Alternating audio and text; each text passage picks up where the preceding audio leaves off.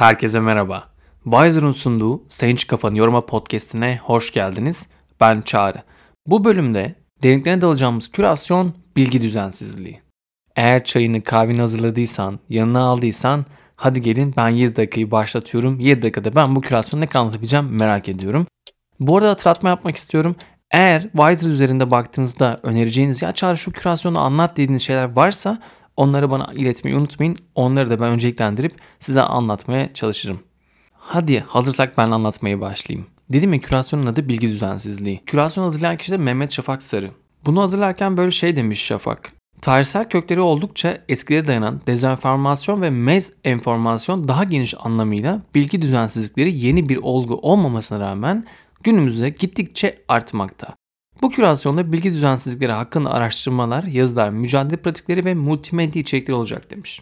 Ve Şafak gerçekten de güzel, keyifli ve bu alanda hani bu bilgi düzensizliği durumunda işte dezenformasyonu, yanlış bilgileri nasıl fark ederim derseniz bu kürasyon resmen bir rehber olmuş. Yani bir yüzde bir ile 201 dersi diyebilirim bunun için. Kürasyon içine baktığımda iki tane podcast var, üç tane video var. Bir tanesi hatta Aktroller Nasıl Çalışıyor adında Mehmet Şafak Sarı'nın kendisinin konuk olduğu, Halk TV'de konuk olduğu bölümün videosu ve 47 tane makale var. Şimdi 7 dakikam olduğu için bunlar arasından ben ilgimi çeken başlıkları biraz böyle göz attım. Tabi podcast'tan başlamak istiyorum her zaman olduğu gibi. Hani biliyorsunuz ki burası da bir podcast. Yeni hallerin ABD Kongresi'nin basan tarikat kanon nedir bölümünü eklemiş ve aynı zamanda To The Explained'in Critical Race Theory bölümünü eklemiş. Yeni hallerin daha önce podcast'ini dinlemiştim bu bölümü ama bugün için tekrardan bir göz attım, tekrardan dinledim. Yeni hallerde şöyle bir istatistik paylaşıyorlardı. Bunu sizinle de paylaşmak istedim. Çok ilginç geldi çünkü.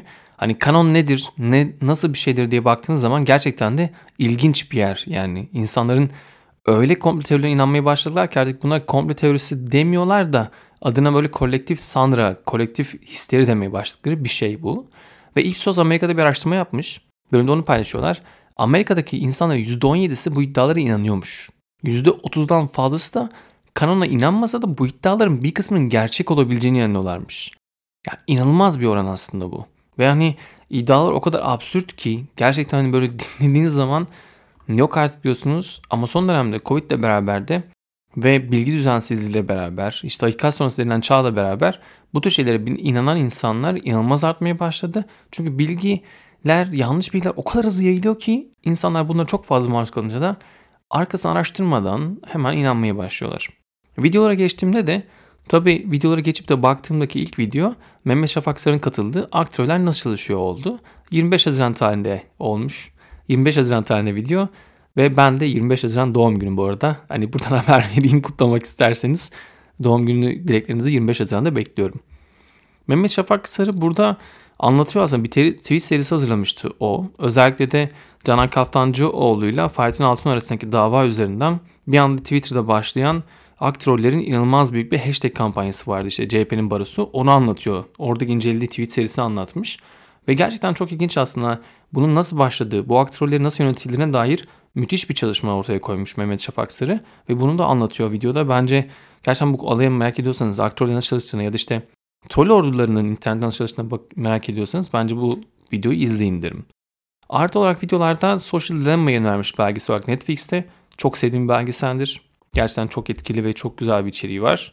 Ve makalelere geçtiğimde de makalelerde ilk baktığım böyle ilgimi çeken o 47 makale incelerken Experts Tips for Digging Out the Roots of This Information oldu. Bu aslında küresel araştırmacı gazetecilik Global Investigative Journalism Network'ün bir makalesi.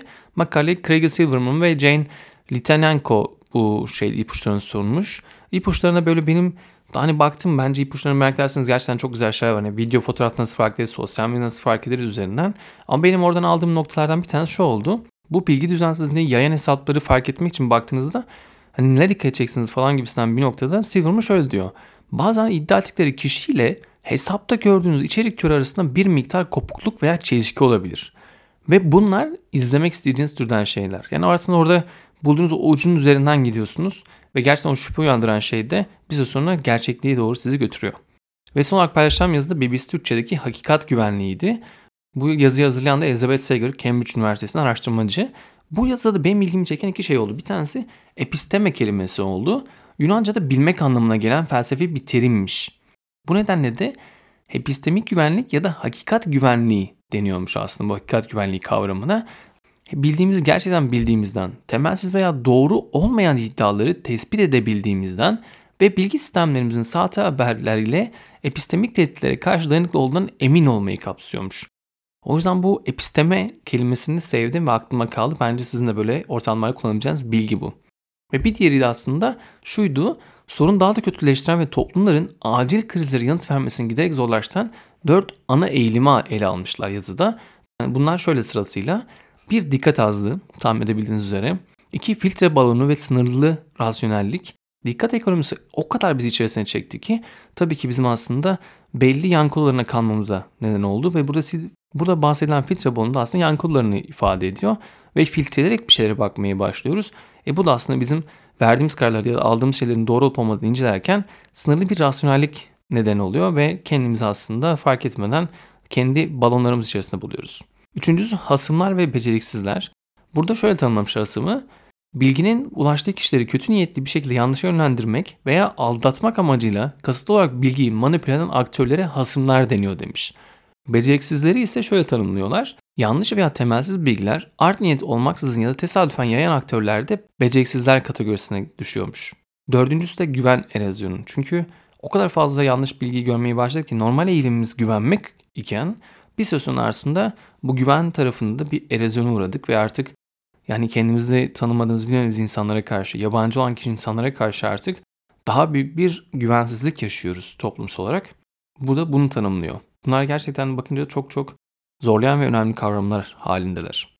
Ve bu kürasyonu incelerken benim de böyle eklemek istediğim böyle bitirirken de aklıma şey geldi. Lee McIntyre'ın Hakikat Sonrası kitabı var. Tellekt yayınlarından çıktı ve ben çok etkilenmiştim kitabı okurken. Bilgi dolu bir kitap ama bu hakikat sonrası kavramını ele almak ve onun üzerine düşünmek için bana çok iyi gelen bir kitaptı. Belki ona bakmak istersiniz. Evet benim zamanım doldu. O yüzden dinlediğiniz için çok teşekkür ederim. Yorumlarınızı bekliyorum. Katkınızı bekliyorum. Ve Bayzer'ın sunduğu Sen Hiç Kafanı Yorma podcast'i bu bölümlük burada bitiyor. Bir sonraki bölümde görüşmek üzere. Hoşçakalın.